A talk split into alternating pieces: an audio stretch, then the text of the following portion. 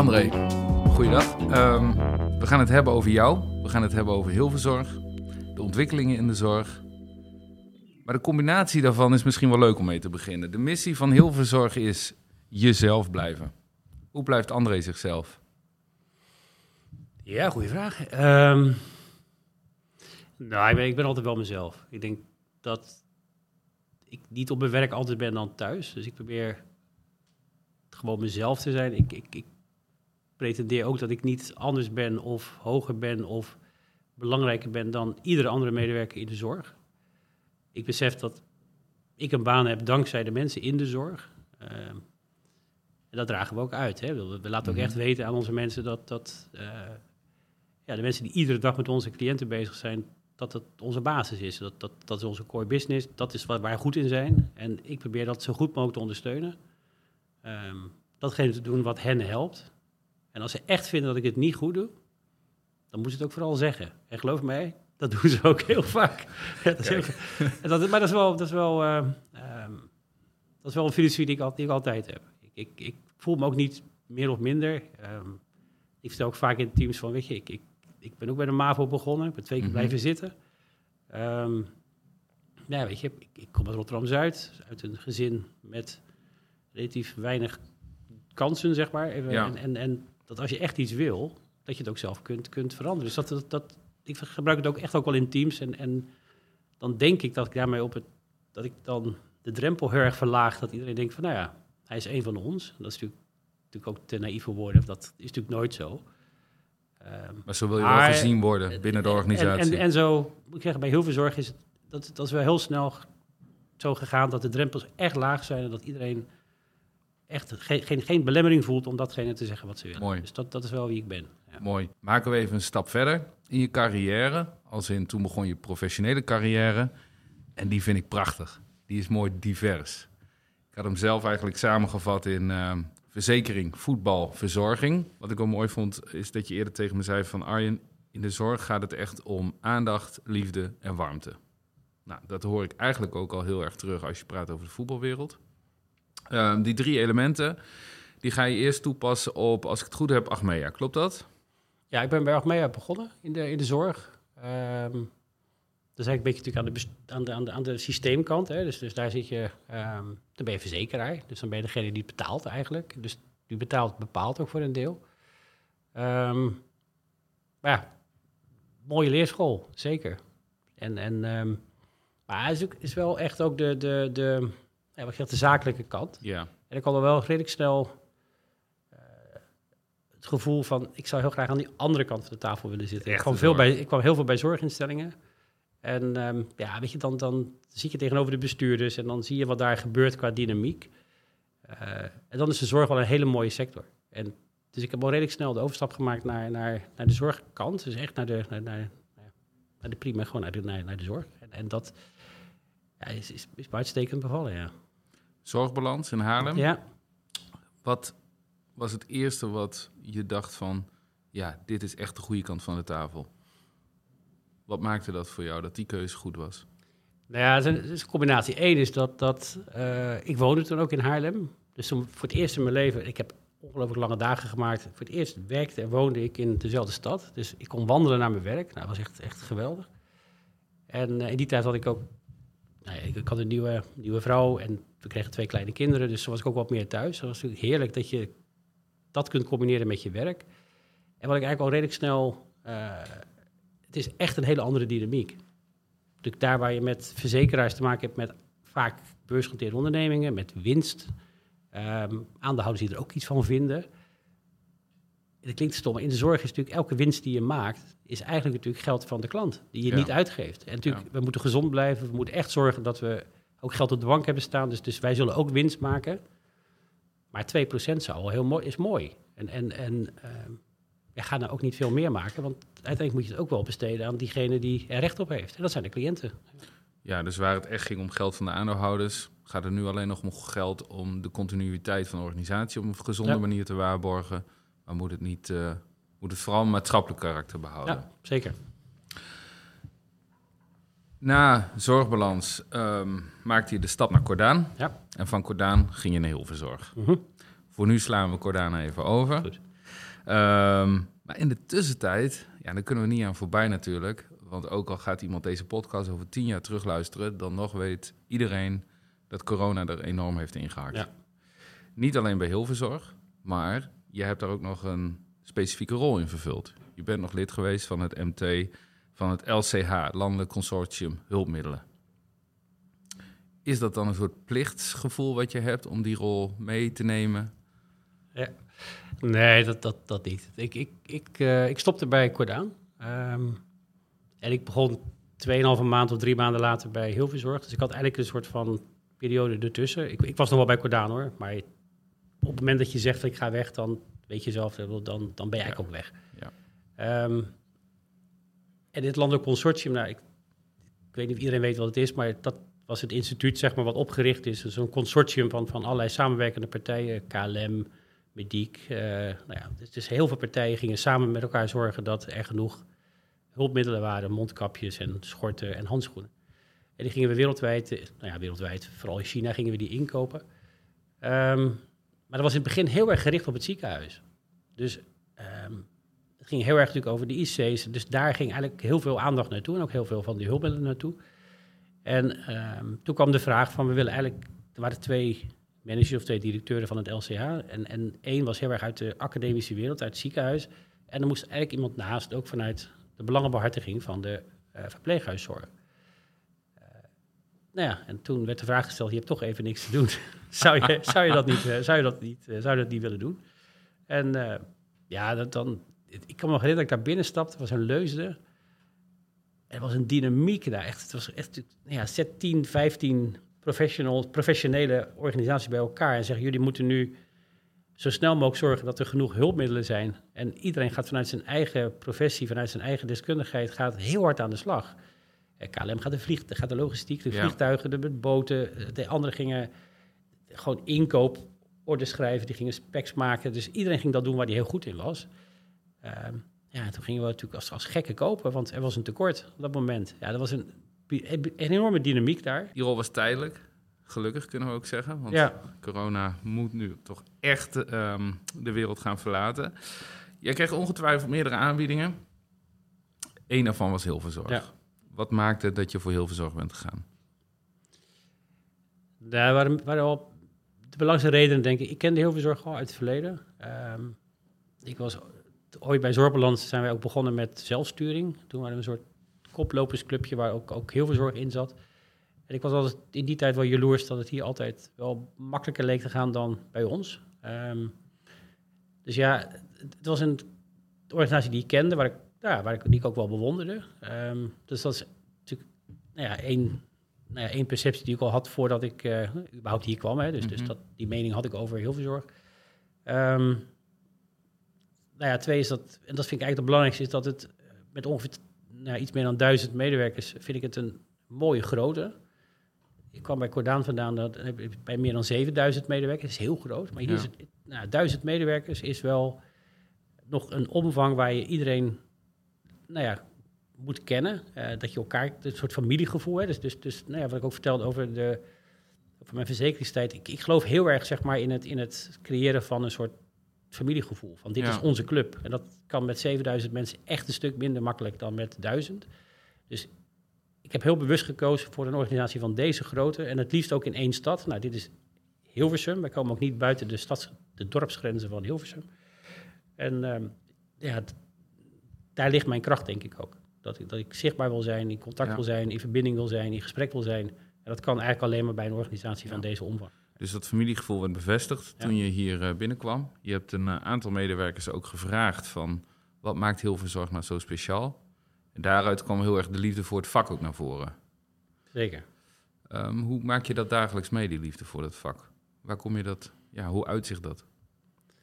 Um, ja, ik, weet je, ik, de zorg is wel echt, dat, dat, nou ja, voor mensen die niet in de zorg zitten. Kijk, in de zorg zie je natuurlijk toch dat er uh, ja, toch een enorme warmte en liefde is voor de cliënt. Um, ik loop zelf ook wel eens mee in de zorg. En dan heb ik aan het eind van de dag dat ik echt denk, wauw, dat zou je elke dag moeten doen. Mm want je ziet natuurlijk toch dat de cliënten die in zorg komen, daar is wel wat mee aan de hand. Het is niet zo zoals vroeger dat je naar een, naar een bejaardenhuis ging en dat je nog vijf, zes, zeven, acht jaar gezellig met elkaar nou ja, uh, nou ja, in een soort van gemeenschap doorleefde, zeg maar, en, en, en, en leuke dingen deed. Dus als je nu in het verpleeghuis komt, is er echt, dan is er echt wat aan de hand. Ja. Uh, dus het is complex. Het is vaak ook, ook zijn meerdere, nou ja, meerdere aandoeningen die spelen. Mensen hebben niet één, één, uh, één ding. Het is altijd wel, wel, wel meer dan dat.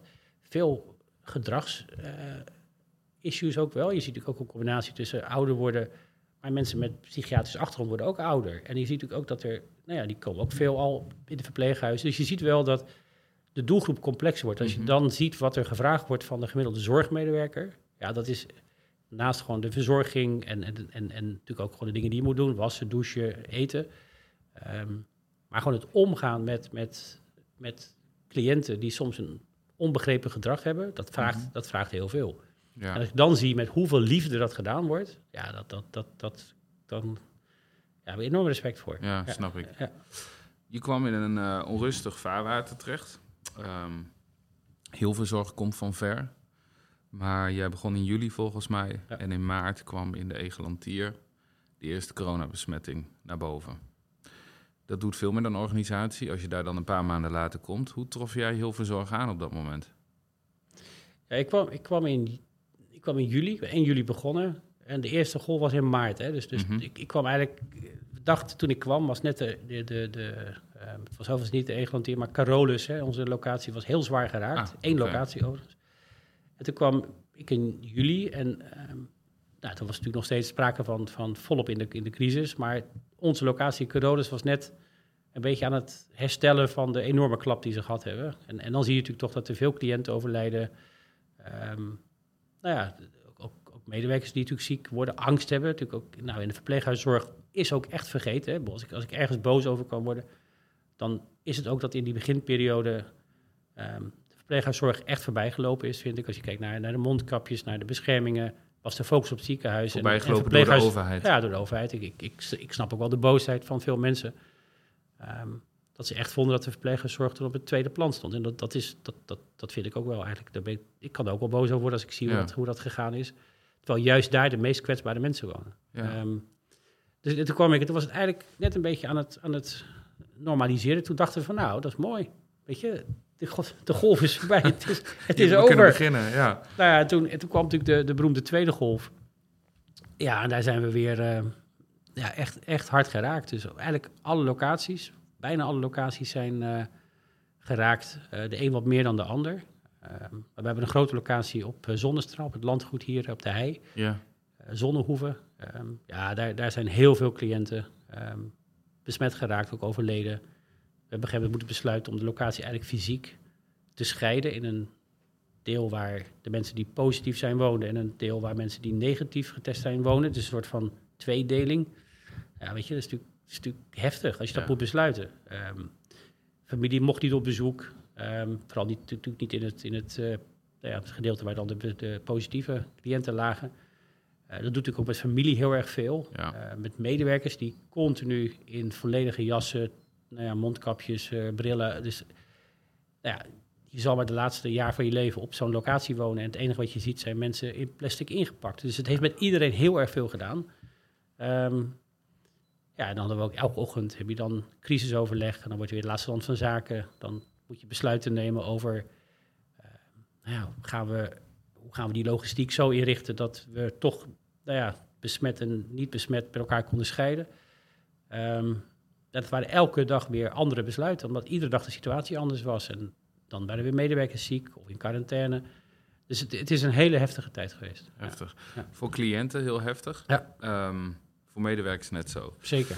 Nou ben jij groot fan van niet alleen op onderbuikgevoel te varen, maar ook echt op basis van welke sentimenten leeft er daadwerkelijk in een organisatie.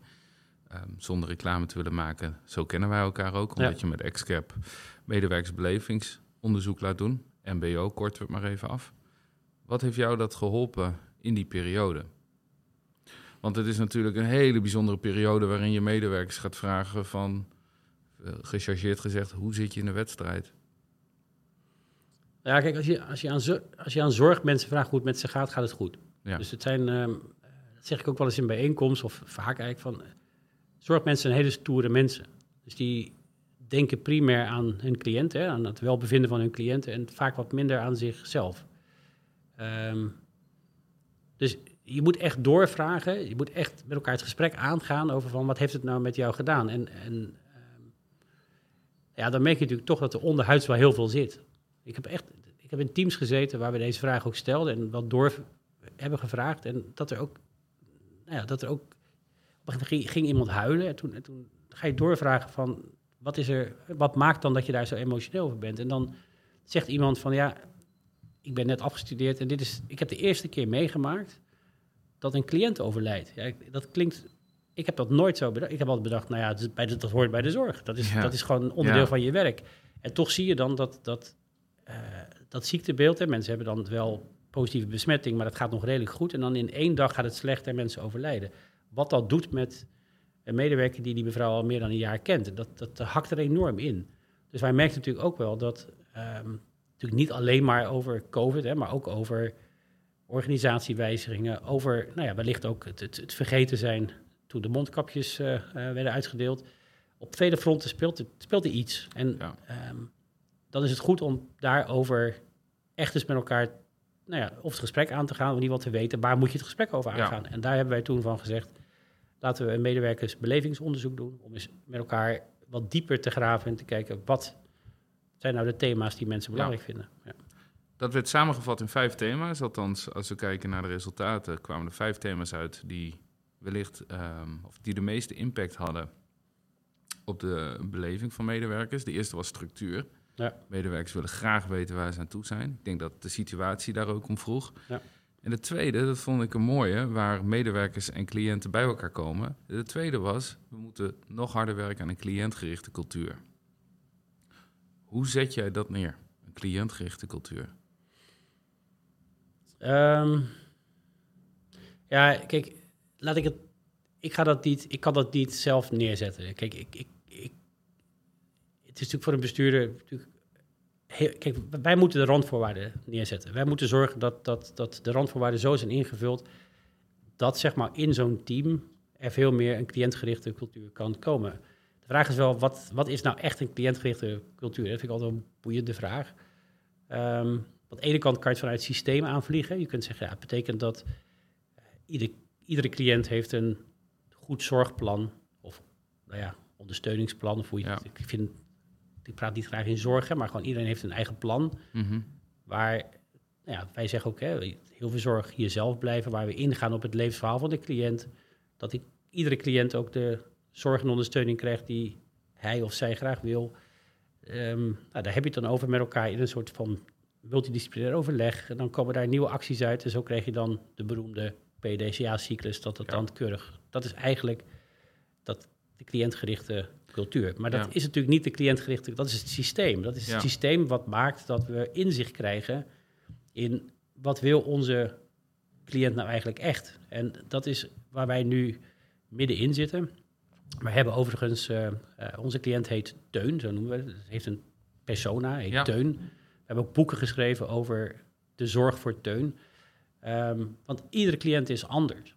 En um, we praten heel vaak, ik zelf ook vaak hoor, ik, dat je vaak praat over de groep dementerende of de groep met Korsakoff of de groep met um, psychiatrie.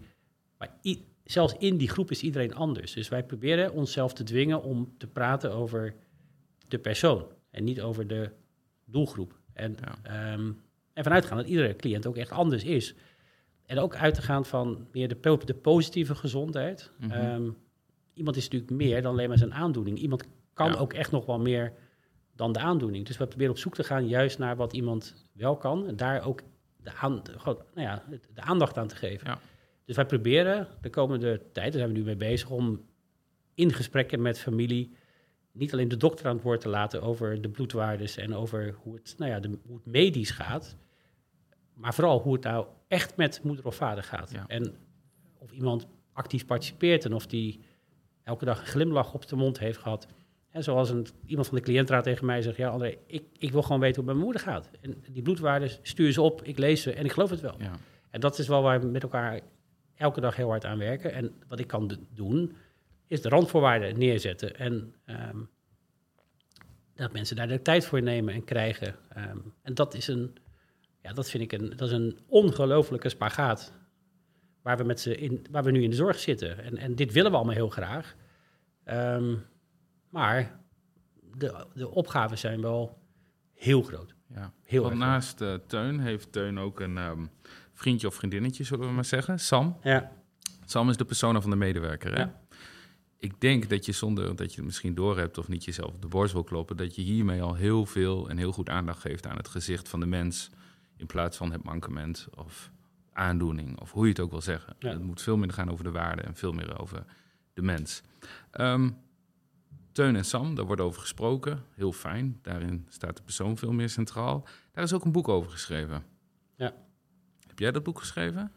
Nou ja, het boekje, heb ik- er is, er is een boekje over Teun. Wat ik wel heb gedaan, toen ik hier kwam, toen kreeg ik als nieuwe medewerker het boekje van Teun. Dat is op zich wel, ik, ik, ik las dat en ik, dat is gaaf. Hè. Ik kreeg gewoon een boek over Teun. Dus ik heb het boek zitten lezen en, en ik kreeg echt bijna tranen van in je ogen. Echt een heel mooi boek over goede zorg, nou, over, over, nou ja, over de medewerker die dan die zorg geeft, maar vooral ook over Teun. Dus ik, ik kwam op kantoor, ik was heel trots op dat boekje. Van, gaaf dat ik dat krijg. Dus ik ging navragen en eigenlijk iedereen boekje, welk boekje. Maar terwijl iedereen krijgt het. Maar dan op een manier was dat, dat ja, het zat gewoon bij de post. Ja. En zonder al te veel begeleidende schrijven van joh, dit is, wat, dit is de visie op goede zorg. Ja. Dus wat, we, wat ik dan wel heb gedaan is, we hebben dat, dat, hebben dat eigenlijk terugvertaald naar een wat kleiner document, waarin dat wat, ik denk ook wat leesbaarder is als ik eerlijk ben. En je gaat niet zomaar 40 pagina's lezen als je een boekje krijgt. Dus we hebben het teruggebracht weer naar eh, een kleiner stuk. En daar hebben we ook dan Sam aan toegevoegd, zeg Ja. maar, als een persona. En dat, dat visiestuk is wel ehm, de basis waar we nu op werken. En, en ik durf wel te zeggen dat, nou, niet alle duizend, maar bijna alle medewerkers, iedereen praat hier wel in de, met, met Teun en Sam. Mooi. Als we het over medewerkers hebben, gaat het altijd over Sam. En de klant heet altijd Teun. Ja. En je hebt die randvoorwaarden goed tot leven gebracht, kunnen we wel zeggen. Want ik las in het jaarverslag dat er ook een onderzoek onder cliënten is uitgevoerd. En daarin geven de cliënten heel veel zorg een 8,7. ja. Dat is toch meer dan voldoende, zou je zeggen? Ja, ja, nee. Kijk, het is een mooi cijfer.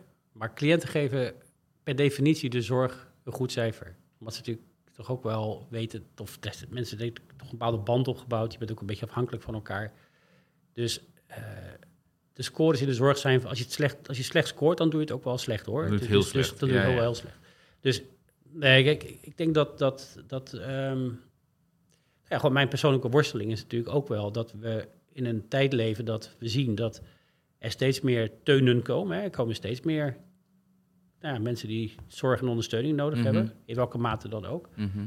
Ehm, maar we zien natuurlijk ook dat eh, de arbeidsmarkt heel erg krap is. En dat er nu al ja, echt duizenden vacatures zijn. In deze regio kun je echt stellen dat het is een moeilijke regio, gooi vechtstreek. Mhm. We hebben echt heel veel moeite om de juiste mensen, of het juiste aantal mensen, maar ook de juiste deskundigheid, om die binnen te krijgen. En, en dat vind ik wel een, dat is natuurlijk een van de belangrijkste voorwaarden, dat je in een team werkt met collega's die allemaal, nou, dat, je, dat je genoeg capaciteit en tijd ehm, en kwaliteit hebt om, om de zorg te lenen voor, leveren voor teun. En dat, ehm, nou ja, dat is misschien wel een klein beetje mijn ehm, ja, frustratie. Die klinkt, ik, ik- we roepen ook wel eens op in gesprekken met verzekeraars.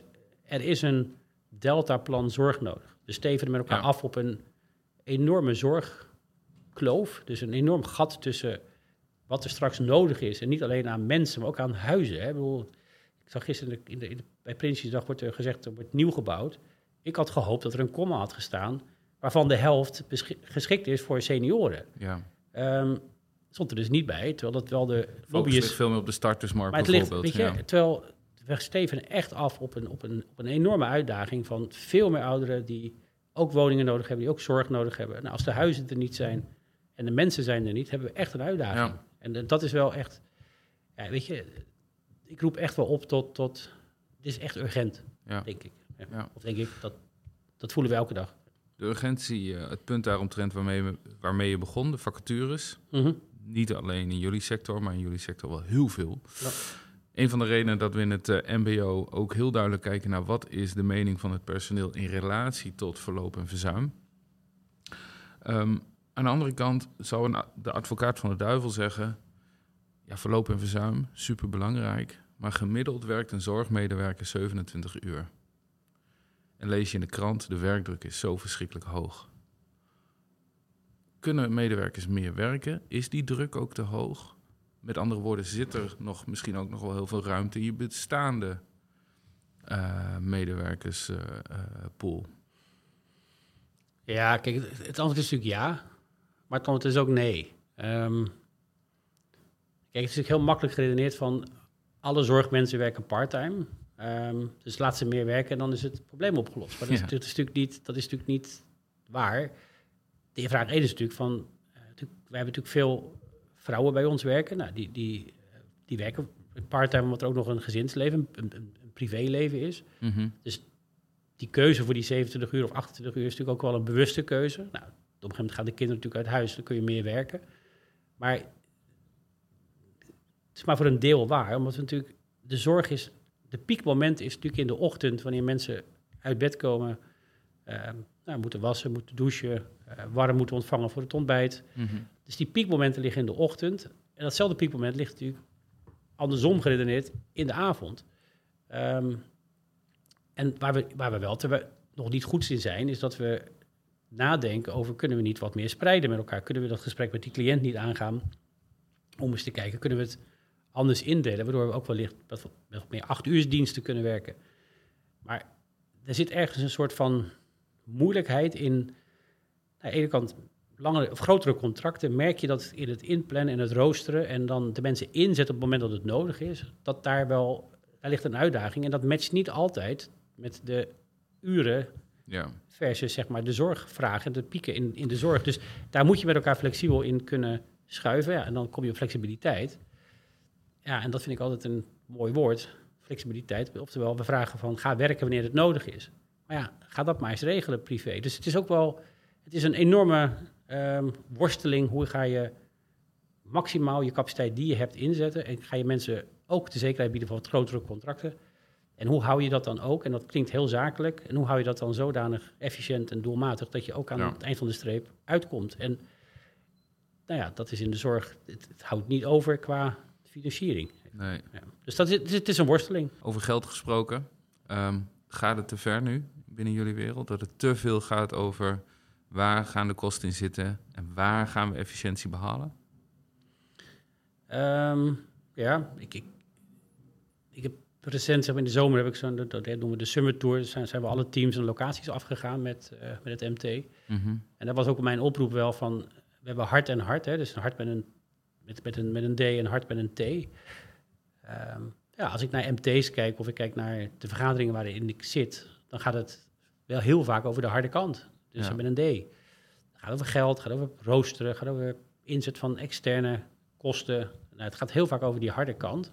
Terwijl ons vak moet natuurlijk eigenlijk alleen maar gaan over het hart op de goede plek en het hart voor de cliënt. En ik blijf dan misschien toch nog een beetje een naïeve bestuurder die denkt van als je, als je een hele goede werkgever bent en je, mhm.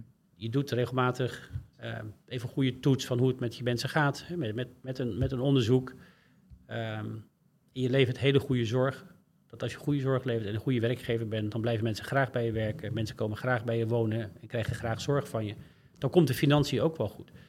Um, maar goed, we, hebben, we, we leven wel in een tijd dat, dat, dat ja, nu ook weer tarieven worden verlaagd door verzekeraars. En, en ik, nou ja, ik hoor van mijn collega's, wij allemaal worstelen ieder jaar weer om die begroting rond te krijgen. En um, ja, dat, dat, ik vind dat dat een keer voorbij moet zijn. Want we hebben zulke grote opgaven met elkaar voor de komende jaren, waarvan ik echt denk dat het, nou ja, ik wil niet zeggen dat het onoplosbaar, maar het is wel een ontwikkeling die bij echt grote zorgen baart. En dan gaat het mhm. eigenlijk ieder jaar weer over 0,8% minder tarief, waardoor je ieder jaar bezig bent met die begroting, met kosten, met snijden. En dat is, dat is, dat is niet de goede discussie. Het moet over iets anders gaan. Ja, je noemde net even, er moet een deltaplan plan komen.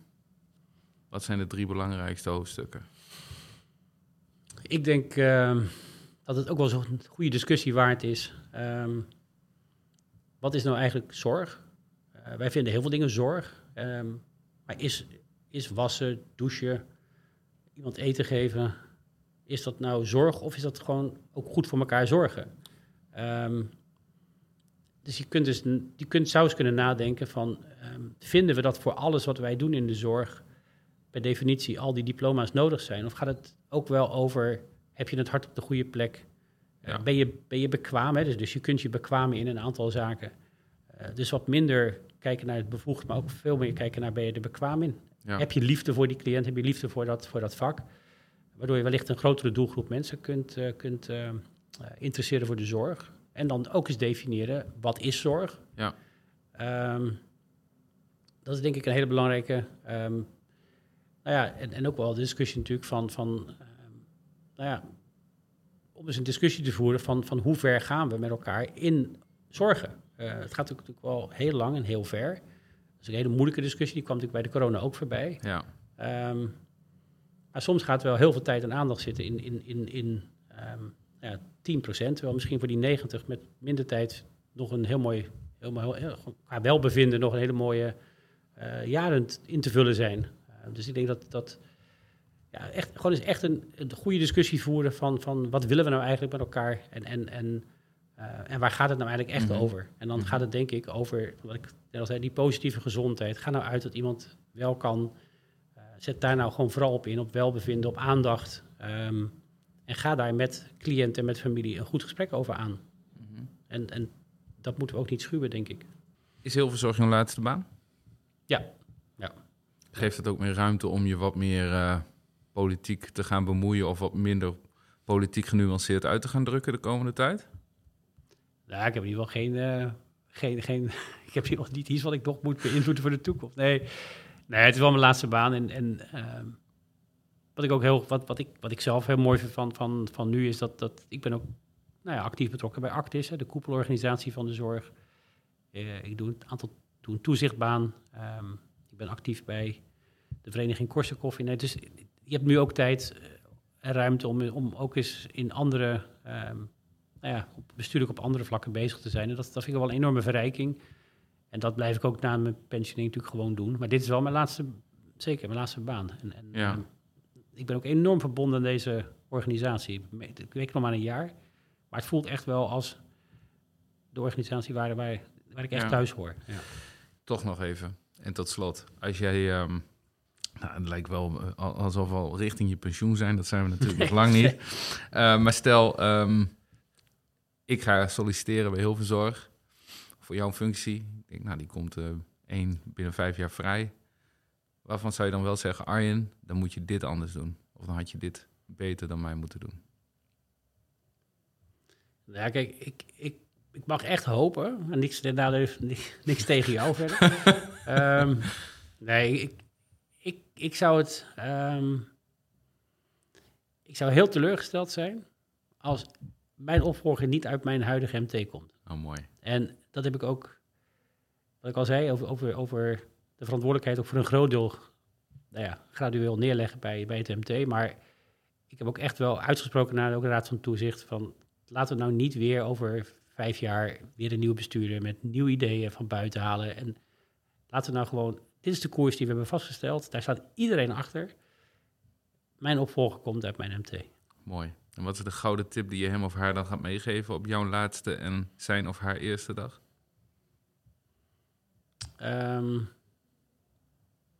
nou ja, een beetje waar we begonnen. Weet, blijf jezelf. Weet je? En, en, en ga niet besturen. Natuurlijk, ga besturen. Neem je verantwoordelijkheid. Maar ga niet de bestuurder uithangen. Ehm, Mooi. ik ben gewoon. Ik zeg. Dat, dat, dat kun je vertaten. Ik in elke vergadering zeggen: jongens, ik ben gewoon ook een medewerker van heel veel zorg. Ik sta gewoon in het adressenlijstje. Ik heb gewoon een e-mailadres. Je kunt me gewoon bellen. Ik ben gewoon een collega van jullie. Als je wat wil, bel je me op of mail je me. Je krijgt altijd dezelfde dag antwoord. Ik ben gewoon een collega en we doen het met elkaar. Dat, is- dat is volgens mij, zo moet zijn. Mooi. Je had de cirkel niet mooier rond Ja, kunnen mooi. maken. Dankjewel daarvoor. Dankjewel, André.